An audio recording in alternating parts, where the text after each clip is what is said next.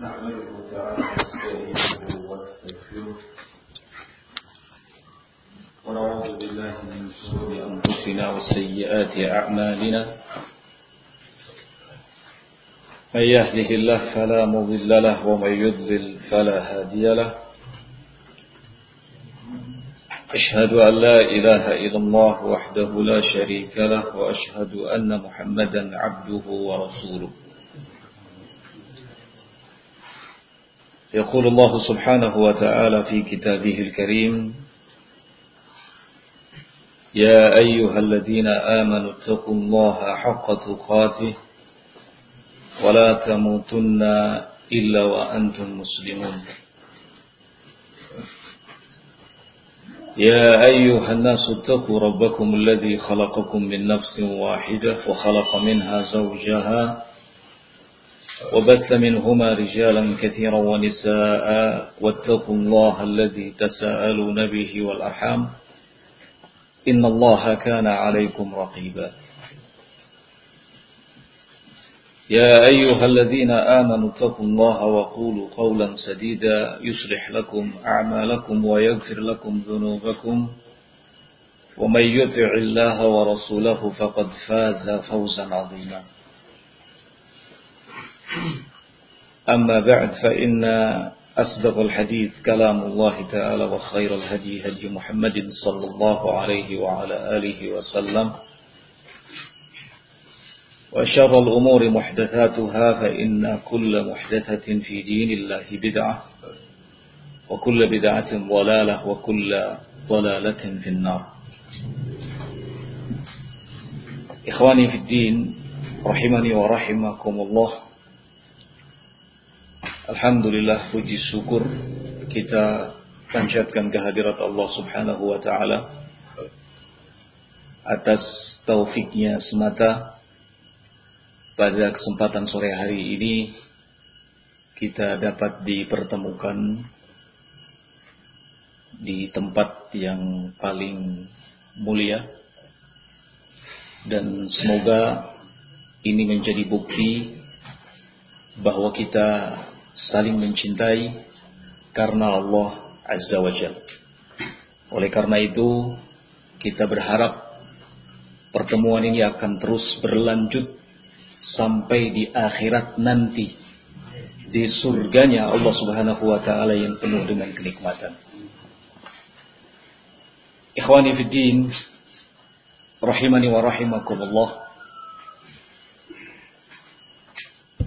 Menjadikan keikhlasan sebagai landasan utama dalam segala hal yang akan kita rencanakan, akan kita ucapkan, dan akan kita kerjakan adalah sesuatu yang sangat penting. Karena hanya dengan keikhlasan kita akan konsisten dan istiqomah dalam sesuatu. Ada pepatah Arab mengatakan makana lillahi dama wattasala wa makana li ghairihi inqata'a wanfasala. Segala sesuatu jika karena Allah dan untuk Allah, maka akan tetap ada dan terus tersambung. Namun, jika bukan karena Allah dan untuk Allah, maka akan terputus dan terpisah. Jadi kalau kita ingin konsisten dan istiqomah dalam sesuatu, maka kuncinya adalah keikhlasan. Hanya dengan keikhlasan, segala aktivitas kita menjadi sesuatu yang bermanfaat dan bernilai di sisi Allah Azza wa Jalla.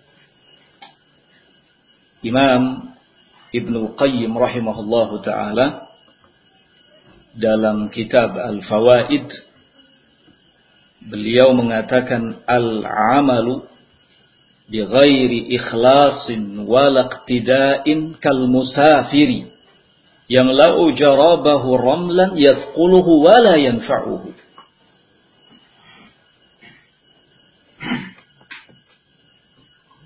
Sebuah pekerjaan atau aktivitas jika tidak didukung dengan keikhlasan dan berusaha untuk selalu mengikuti sunnah Rasul Sallallahu Alaihi Wasallam, maka tak ubahnya bagaikan seorang musafir yang memenuhi keranjangnya dengan kerikil-kerikil, berat terasa keranjang tersebut, namun tidak memberinya manfaat sedikit pun.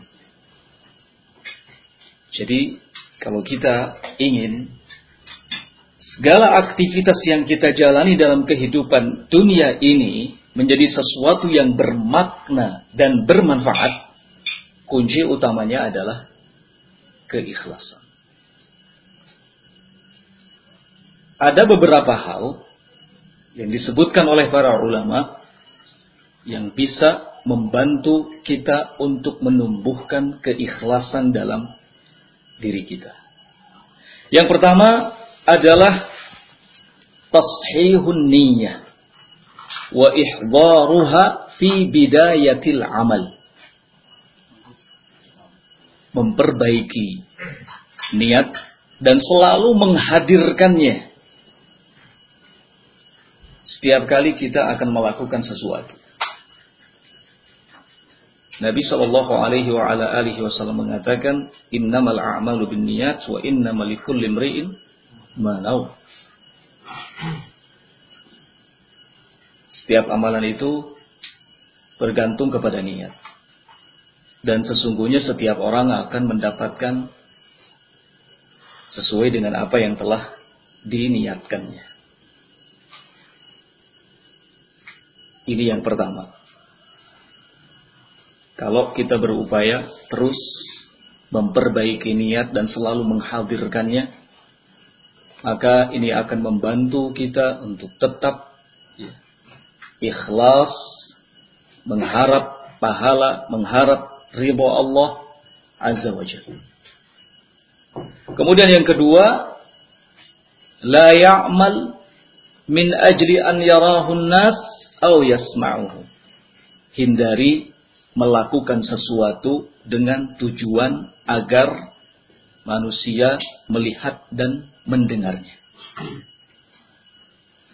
Dalam hadis riwayat Bukhari dan Muslim dari sahabat Jundub radhiyallahu taala anhu Rasulullah sallallahu alaihi wa ala alihi wasallam bersabda man yusammi'u yusammi illahu bihi wa man yura'i yura'i illahu bihi Barang siapa yang melakukan satu amalan dengan tujuan agar amalan tersebut didengar oleh manusia, maka Allah Subhanahu wa taala akan membalasnya dengan balasan yang serupa. Dan barang siapa yang mengerjakan satu amalan dengan tujuan agar dilihat oleh manusia, maka Allah Subhanahu wa taala akan membalasnya dengan balasan yang serupa pula. Kata Imam Al-Hafidh Ibnu Hajar Al-Asqalani rahimahullahu taala dalam Fathul Bari mengutip perkataan Al-Khattabi rahimahullah maknahu man amila amalan ala ghairi ikhlasin wa innama yuridu an yarahu an-nasu aw yasma'uhu juziya ala dhalika bi an yushahhirahu Allah wa yafdahahu wa yudhhira ma kana yubtinuhu. Makna dari hadis tadi adalah barang siapa yang melakukan satu amalan tanpa ada keikhlasan yang diinginkan darinya hanya sekedar agar manusia bisa melihatnya dan manusia dapat mendengarnya maka akan dibalas dengan hal yang seperti itu. Artinya bahwa Allah Subhanahu wa taala akan membongkarnya, Allah Subhanahu wa taala akan menampakkan segala apa yang ia sembunyikan.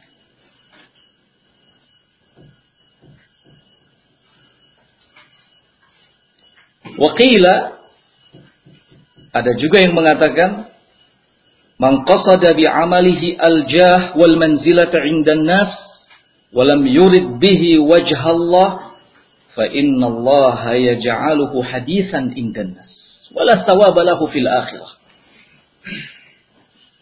Barang siapa yang dengan amalannya bertujuan untuk mendapatkan kedudukan di sisi manusia tidak menginginkan keriduan Allah Azza wa Jal, maka sesungguhnya Allah Subhanahu wa taala akan menjadikannya sebagai orang yang selalu menjadi bahan pembicaraan di tengah-tengah manusia, namun di akhirat nanti ia tidak mendapatkan balasan apa pun. Jadi rugi orang yang ketika melakukan sesuatu namun niatnya bukan karena Allah Subhanahu wa taala. Agar segala kegiatan, segala amalan, segala aktivitas kita bernilai di sisi Allah Subhanahu wa taala. Selalu mengharap wajah Allah Subhanahu wa taala, maka hindari keinginan untuk didengar oleh banyak manusia ataupun dilihat oleh kebanyakan mereka. Yang ketiga berikutnya alla yata'allaq qalbahu bimadhin nas au dhammihim. Yang ketiga, dari hal yang dapat menumbuhkan keikhlasan atau membantu kita untuk senantiasa ikhlas adalah hindari ketergantungan hati dengan pujian manusia atau celaan mereka. Ketika kita hendak melakukan sesuatu, jangan pernah ada dalam diri kita keinginan untuk mendapatkan pujian.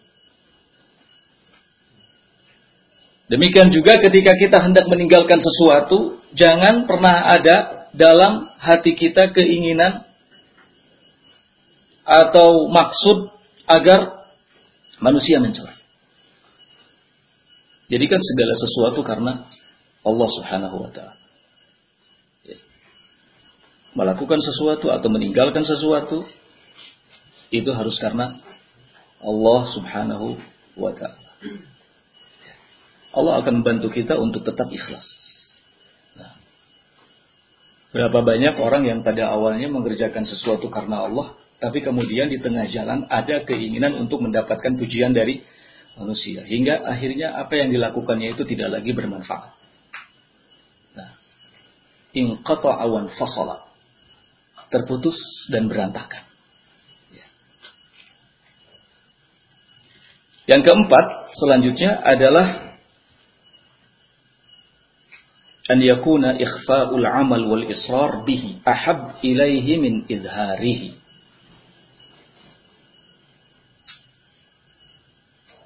Menyembunyikan dan merahasiakan sebuah amalan harus lebih dicintai daripada menampakkannya.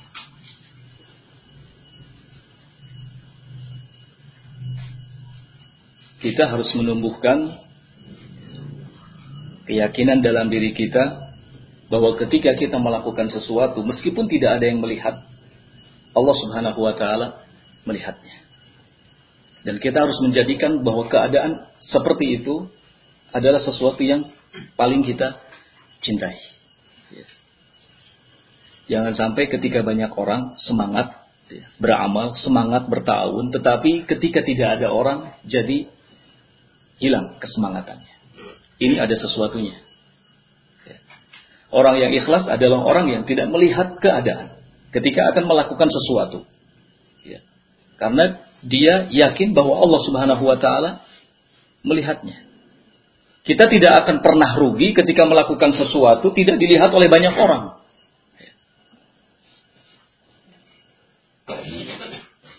Dan sebaliknya kita harus merasa khawatir ketika kita melakukan sesuatu dilihat oleh banyak orang. Memang ada amalan-amalan yang kita harus melakukannya dalam keadaan semua orang melihatnya. Tapi juga ada amalan-amalan yang tidak mesti semua orang tahu.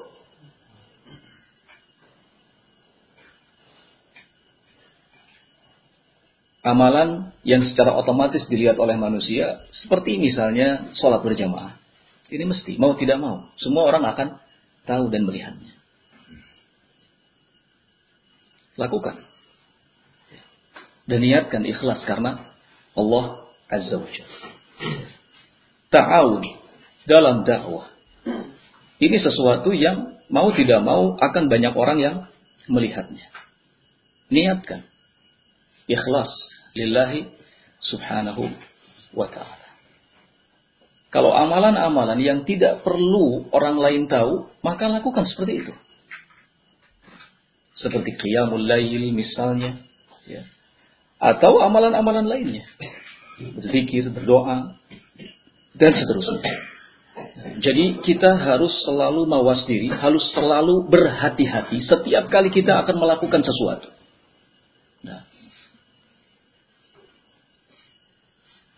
Dan kita harus lebih menyukai amalan itu, amalan yang kita kerjakan tidak diketahui oleh banyak orang. Ini akan menumbuhkan keikhlasan dalam diri kita. Membantu kita untuk tetap istiqomah di atasnya. Selanjutnya yang kelima an yakuna harisan 'alal bu'di an mawatin syuhrah. Bersungguh-sungguh dan berusaha untuk menjauhi tempat-tempat di mana akan e, membuat banyak orang tahu ketika kita melakukan sesuatu. Ya.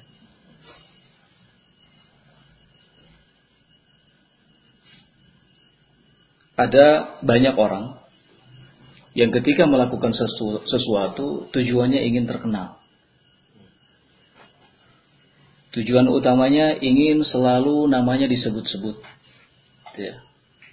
Diacungkan dua jempol atau bahkan kalau bisa empat jempol. Ya. Imam Ibrahim bin Adham rahimahullahu taala mengatakan ma sadaqallah man arada an yashtahir. Tidak dikatakan jujur Orang yang ketika melakukan sesuatu tujuannya ingin selalu agar dapat dikenal di tengah-tengah banyak orang. Ya. Dan syuhroh, ketenaran, ya. terkenal adalah penyakit yang biasa menjangkiti para penuntut ilmu. Secara otomatis Asyuhrah, ketenaran, popularitas juga penyakit yang banyak menjangkiti para duat ilallah. Da'i, da'i ilallah. Ada banyak cara yang dilakukan supaya bisa populer, supaya bisa terkenal. Masuk TV lah. Ya. Membikin video sendirilah, kemudian di-share, disebar. Kalau tujuannya bukan popularitas, apalagi? Pasti itu kok. Kata Imam Ibrahim bin Adham, ma sadaqallah. Orang yang seperti ini tidak jujur. Bukan orang yang jujur. Bukan orang yang baik. Bukan orang yang pantas untuk diikuti dan ditiru tindak tanduknya. Karena tidak jujur. Orang yang jujur tidak akan seperti itu. Popularitas, ketenaran, nomor sekian. Yang terpenting adalah ketika dia melakukan sesuatu lillahi azza wajal. Tujuannya hanya untuk mendapatkan ridho Allah azza wajal. Bukan ridho manusia. Bukan popularitas. Bukan ketenaran. Kalau ada orang yang tujuan utamanya selalu ingin tenar, selalu ingin populer, maka ini tanda alamat kalau tidak ada keikhlasan dalam dirinya. Ba'ful yaqin, ba'ful iman, lemah keyakinannya, lemah keimanannya kepada Allah Azza wa Jalla. Nah. Selanjutnya ikhwan fillah rahimakumullah yang ketujuh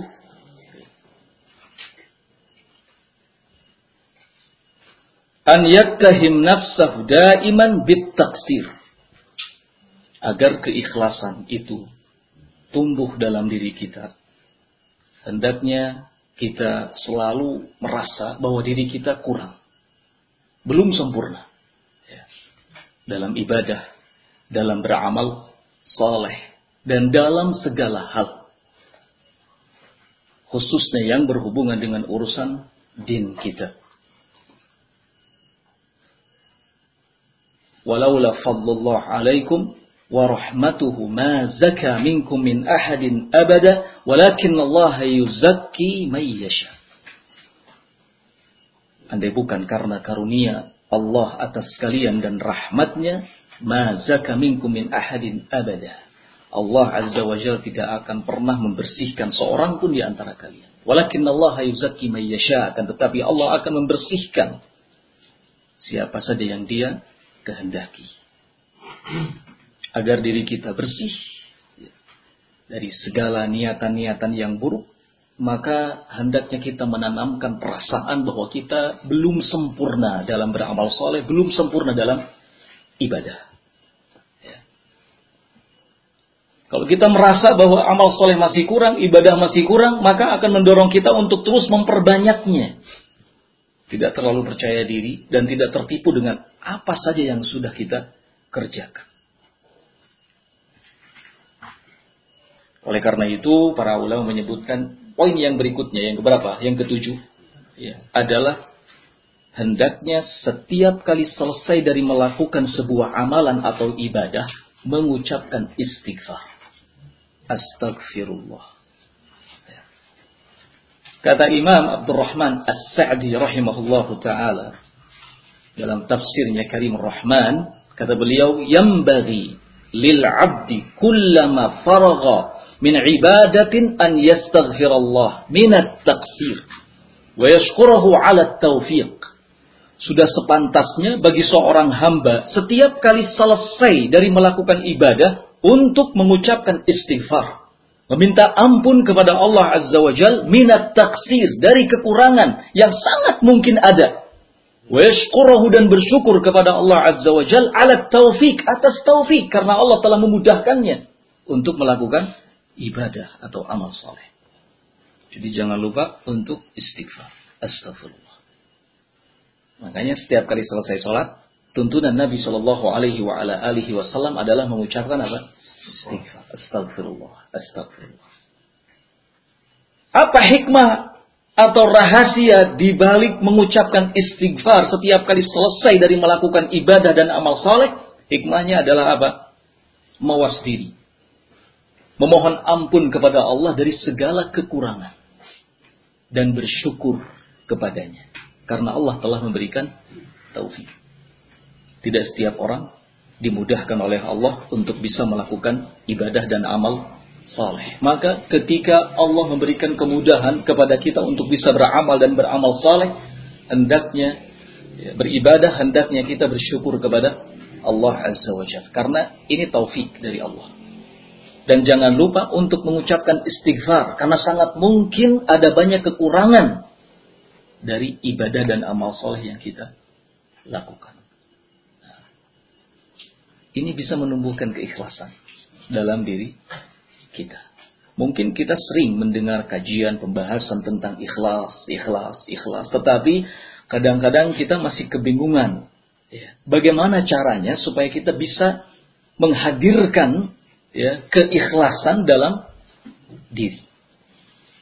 Poin demi poin tadi yang sudah disampaikan itu akan membantu kita untuk bisa mewujudkan keikhlasan. Nah. rahimani wa rahimakumullah. Selanjutnya yang terakhir adalah al-farhu bit taufiqillah lil amalis salih. Menampakkan kegembiraan atas taufik yang Allah Subhanahu wa taala berikan sehingga dimudahkan untuk melakukan amal saleh kita diperintahkan oleh Allah untuk menampakkan kegembiraan dan kesenangan ketika kita dapat beramal soleh. Allah Subhanahu wa taala berfirman, "Qul bi fadlillah wa bi rahmatihi fabidzalika falyafrahu huwa khairum mimma yajma'u." Qul katakan oleh Allah Azza wa Jal eh, katakan oleh kata Allah Subhanahu wa taala, katakan olehmu bifadlillah wa birahmati. Hanya dengan keutamaan dan rahmat Allah, fabidzalika falyafrahu. Dengan itulah hendaknya kalian bergembira. Dengan karunia, dengan rahmat Allah, kita mesti bergembira. Huwa khairum mimma yajma'u. Karena itu lebih baik dari segala hal yang telah dikumpulkan oleh manusia. jadi bergembira. Ya, merasa senang ketika Allah memberikan kemudahan ya, kepada kita untuk beramal soleh, melakukan ibadah, datang ke majelis ilmu, membaca Al-Quran, berzikir, istighfar, dan segala hal yang berhubungan dengan urusan urusan din. Nah. Ikhwani fid din, rahimani wa rahimakumullah. Para ulama kita juga telah menyebutkan beberapa samratul ikhlas.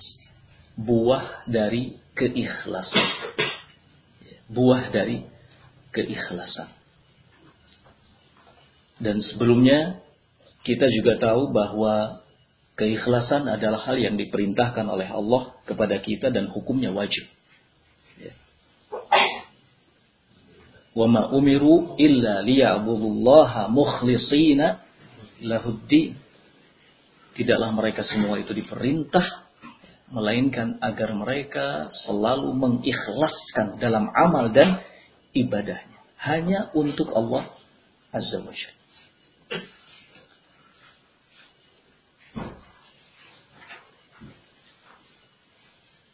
Ketika Allah Subhanahu wa taala memerintahkan kepada kita untuk melakukan sesuatu, maka akan ada buah atau samarah manfaat yang baik yang kemanfaatannya kembali kepada kita. Maka ada beberapa ya, samaratul ikhlas, buah dari keikhlasan yang telah disebutkan oleh para ulama antara lain yang pertama adalah sihatul ibadah ibadah kita akan menjadi benar. Ini yang pertama. Ibadah kita akan menjadi benar. Karena yang paling penting bagi kita dalam ibadah itu bukan banyaknya, tetapi benarnya. Bagaimana sebuah ibadah dikatakan benar kalau tidak ada keikhlasan? Suatu ibadah akan dikatakan benar manakala didukung dengan keikhlasan ada tujuan di balik ibadah yang dilakukan untuk mendapat ridha Allah Azza wa Jalla. Allah Subhanahu wa taala berfirman, "Faman kana yarju liqa'a rabbih falyamal 'amalan salihan wa la yusyrik bi'ibadati rabbih ahada." Di akhir Quran surat Al-Kahfi. Barang siapa yang berharap perjumpaan dengan Allah, maka hendaknya ia beramal dengan amalan saleh wala yusyrik bi'ibadati rabbih ahada dan jangan sekali-kali menyekutukan Allah dalam ibadah. Tidak boleh menduakan Allah. Orang yang ikhlas dalam ibadah adalah orang yang memurnikan ibadah itu hanya untuk Allah. Maka buah keikhlasan yang pertama adalah sihatul ibadah. Ibadah akan menjadi benar. Buah yang kedua adalah nasrul ummah. Allah Azza wa Jal akan menolong umat ini. Ketika mereka dalam setiap aktivitasnya bertujuan untuk mendapatkan ridho Allah Azza wa Jal. Dalam sahih targhib wa tarhib disebutkan sebuah riwayat Nabi Shallallahu Alaihi wa ala alihi Wasallam menyatakan innama yansurullah hadhil ummata bid'ifiha bid'awatihim wa salatihim wa ikhlasihim. Sesungguhnya Allah Azza wa Jalla akan menolong umat ini bid'ifiha dengan kaum yang lemahnya. Lihat. Dengan kaum yang lemahnya.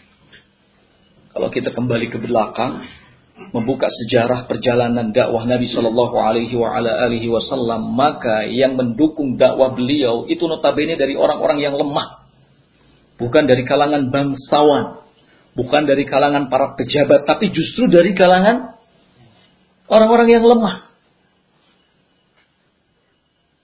Allah Azza wa Jalla akan menolong umat ini kata Nabi SAW bid'ifiha dengan kaum yang lemahnya bid'awatihim dengan doa mereka wa salatihim dan salat mereka wa ikhlasihim dan keikhlasan mereka. Ternyata keikhlasan menjadi kunci menangnya umat ini. Ya.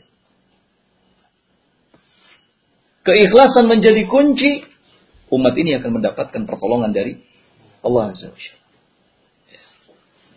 Maka kalau orang membahas ya, mengapa umat Islam ini menjadi umat yang terbelakang, selalu dilecehkan oleh orang-orang kafir, sebenarnya simpel saja penyebabnya. Apa?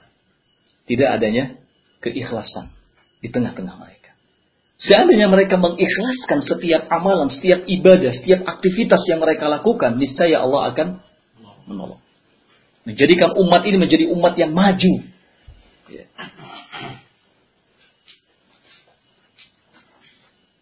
Jadi buah dari keikhlasan yang kedua adalah apa? Nasrul ummah.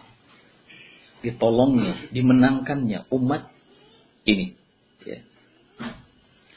Yang ketiga, ikhwan fillah rahimakumullah, buah yang ketiga adalah as-siyanatu minal wuqu' fil atham. Ikhlas merupakan proteksi, penjagaan minal wuqu' fil atham dari terjatuhnya ke dalam dosa. Ada banyak orang mengeluh, sadar dia. Kalau dirinya banyak melakukan dosa. Yo, saya banyak dosa. Tapi saya nggak bisa meninggalkannya. Kenapa ya? Hadir di majelis ilmu sering, mendengarkan kajian juga tidak pernah terlewatkan. Tapi setelah itu jatuh lagi ke dalam dosa, jatuh lagi ke dalam kemaksiatan. Mungkin salah satu penyebabnya adalah tidak ada keikhlasan. Salah satu penyebabnya adalah karena tidak ada keikhlasan.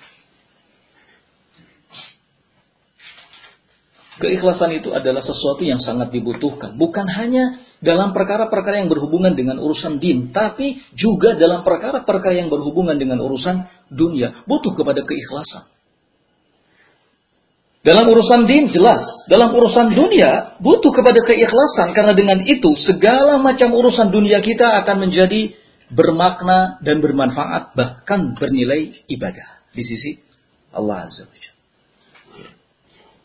Jadi sebenarnya kalau kita bicara soal ikhlas, maka bicara soal segala macam aktivitas kehidupan kita selama di dunia ini. Ya. Kalau kita mengikhlaskan segala sesuatunya untuk Allah, Allah akan menolong kita menjaga diri kita dari terjatuh ke dalam dosa dan maksiat. Di Quran surat Yusuf ayat yang ke-24 jelas sekali Allah Subhanahu wa taala menyatakan kadzalika linasrifa anhu su'a wal fahsya innahu min ibadinal mukhlasin. Demikianlah kata Allah Subhanahu wa taala kami benar-benar akan memalingkan menjauhkan darinya berbagai macam kejelekan dan perbuatan-perbuatan keji karena dia termasuk dari hamba kami yang ikhlas. Ini janji Allah Subhanahu wa taala. Kita akan tetap dijaga oleh Allah dari segala hal yang tidak kita inginkan. Kita akan dilindungi oleh Allah dari perbuatan-perbuatan keji ketika kita menanamkan keikhlasan dalam diri kita. Ikhwanifiddin rahimani wa rahimakumullah. Buah yang keempat dari keikhlasan adalah an-najatu min ighwa syaitan al-fatin. Selamat dari godaan setan. Selamat dari godaan setan. Ya. Yang selalu mendorong setiap orang untuk melakukan tindakan keji dan mungkar. Allah Subhanahu wa taala mewanti-wanti dalam firman-Nya agar kita tidak mengikuti langkah-langkah syaitan. Ya ayyuhalladzina amanu la tattabi'u khutuwatis syaitan. Wahai orang-orang yang beriman, janganlah kalian mengikuti langkah-langkah setan. Banyak langkah, banyak propaganda yang dilakukan oleh setan. Bukan satu langkah saja, tapi khutwa, sekian banyak langkah yang dilakukan oleh setan untuk memalingkan manusia. Khususnya orang-orang yang beriman. Maka Allah ingatkan, wahai orang-orang yang beriman, janganlah sekali-kali kalian mengikuti langkah-langkah setan. Bagaimana caranya? Sederhana. Salah satu caranya adalah dengan selalu mengikhlaskan segala sesuatu hanya untuk mendapatkan ridho Allah, bukan ridho manusia. Tapi ridho Allah. Ya. Untuk mendapatkan keriduan Allah bukan hal yang mudah. Butuh perjuangan, butuh kesungguhan. Ada kalanya untuk mewujudkan hal itu kita dimusuhi oleh banyak manusia. Karena tidak sesuai dengan apa yang mereka harapkan. Ya. Namun itulah satu-satunya jalan yang harus kita tempuh. Ya. Oleh karena itu maju terus pantang mundur. Ya. Semangat terus. Lakukan segala sesuatu hanya untuk Allah. Kita tidak akan pernah menyesal. Ya, kita tidak akan pernah menyesal. Nah, sungguh ya, sangat disayangkan banyak orang yang kalau dilihat dari amal perbuatannya baik, tetapi selalu diakhiri dengan penyesalan. Menyesal. Padahal apa yang dilakukannya kebaikan, tetapi menyesal. Kenapa? Karena tidak ada keikhlasan. Kalau kita melakukan segala sesuatu untuk Allah, kita tidak akan menyesal mendapatkan manfaat atau tidak dari manusia. Ada pujian atau tidak ada pujian. Bisa memperbaiki keadaan kita atau tidak. Ya. Menguntungkan dunia kita atau tidak. Tidak akan pernah menyesal. Ketika mendatangkan kemanfaatan, bersyukur. Alhamdulillah, ketika tidak pun tidak jadi masalah karena bukan itu yang dicari. Tapi yang dicari adalah ridha Allah Subhanahu wa taala. Kalau kita mencari ridha Allah, maka kita akan sampai kepadanya. Karena ridha Allah Subhanahu wa taala itu ada setarnya, ada mabda'nya, ada muntaha, ada akhirannya, ada garis finishnya. Ini ridha Allah. Kalau kita berjalan ya, kita berjalan untuk mendapatkan ridha Allah, kita akan sampai kepadanya. Beda halnya ketika kita mengejar ridha manusia. Ada mabda'nya, tetapi tidak ada garis finishnya. Gak ada penghujungnya. Kita mulai berjalan. Tapi tujuan kita mencari ridho manusia. Kita nggak akan pernah sampai. Ya. Nggak akan ada habisnya. Mulai ayat tungtung nak. Makanya dikatakan ridhon nas ghayatun la tudro. Keriduan manusia itu sebuah tujuan yang tidak akan mungkin bisa tercapai. Terus bikin kita lelah bikin kita capek. Kalau ridho Allah jelas.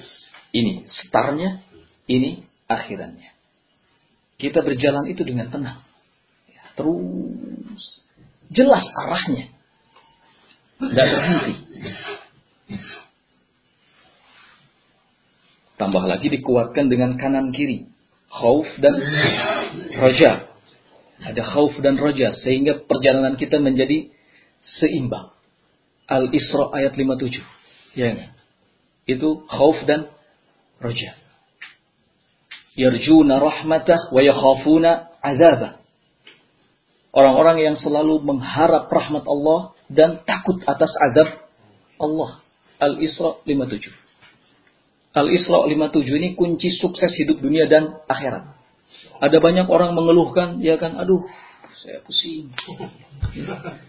Kita tanya, mas apa yang kamu cari sih sesungguhnya? Saya ingin sukses dunia dan akhirat lah pokoknya mah. Bukan hanya dunia saja, tapi akhirat ya saya. Hayang, selamat. Sederhana. Apa? Al-Isra 57.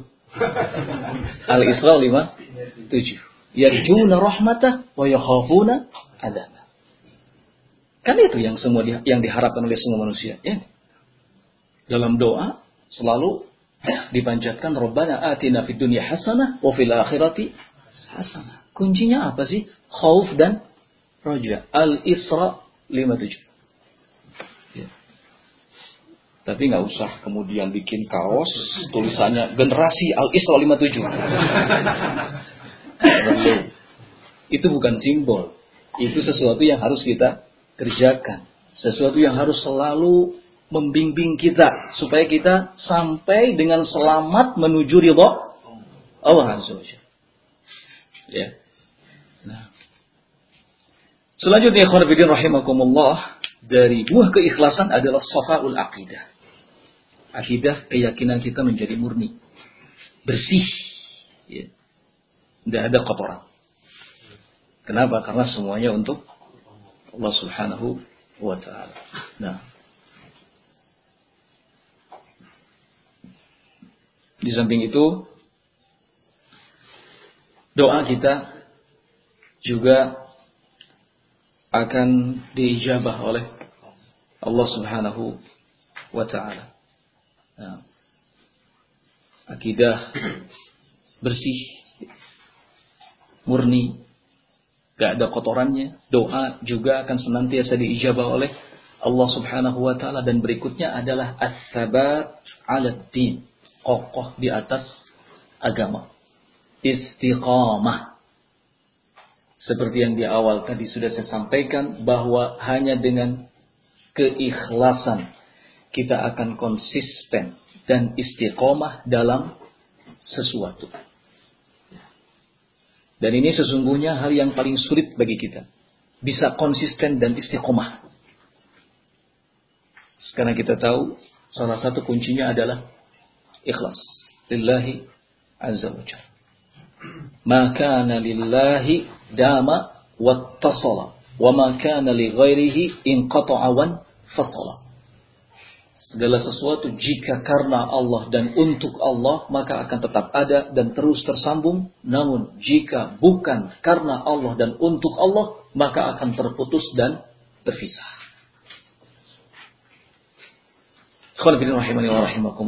Semoga bermanfaat apa yang sudah kita sampaikan sudah setengah enam juga. Semoga jamnya benar. Ya. Kesempurnaan hanya milik Allah Subhanahu wa taala. Mudah-mudahan pertemuan ini pertemuan yang memberikan keberkahan bagi kita semua sehingga kita dapat kembali memulai aktivitas dengan niat ikhlas lillahi subhanahu wa ta'ala. Karena ini sesungguhnya yang kita butuhkan. Kita cukupkan sampai di sini. Subhanakallahumma bihamdika asyhadu an la ilaha illa anta astaghfiruka wa atubu ilaik. Walhamdulillahirabbil alamin. Wassalamualaikum warahmatullahi wabarakatuh.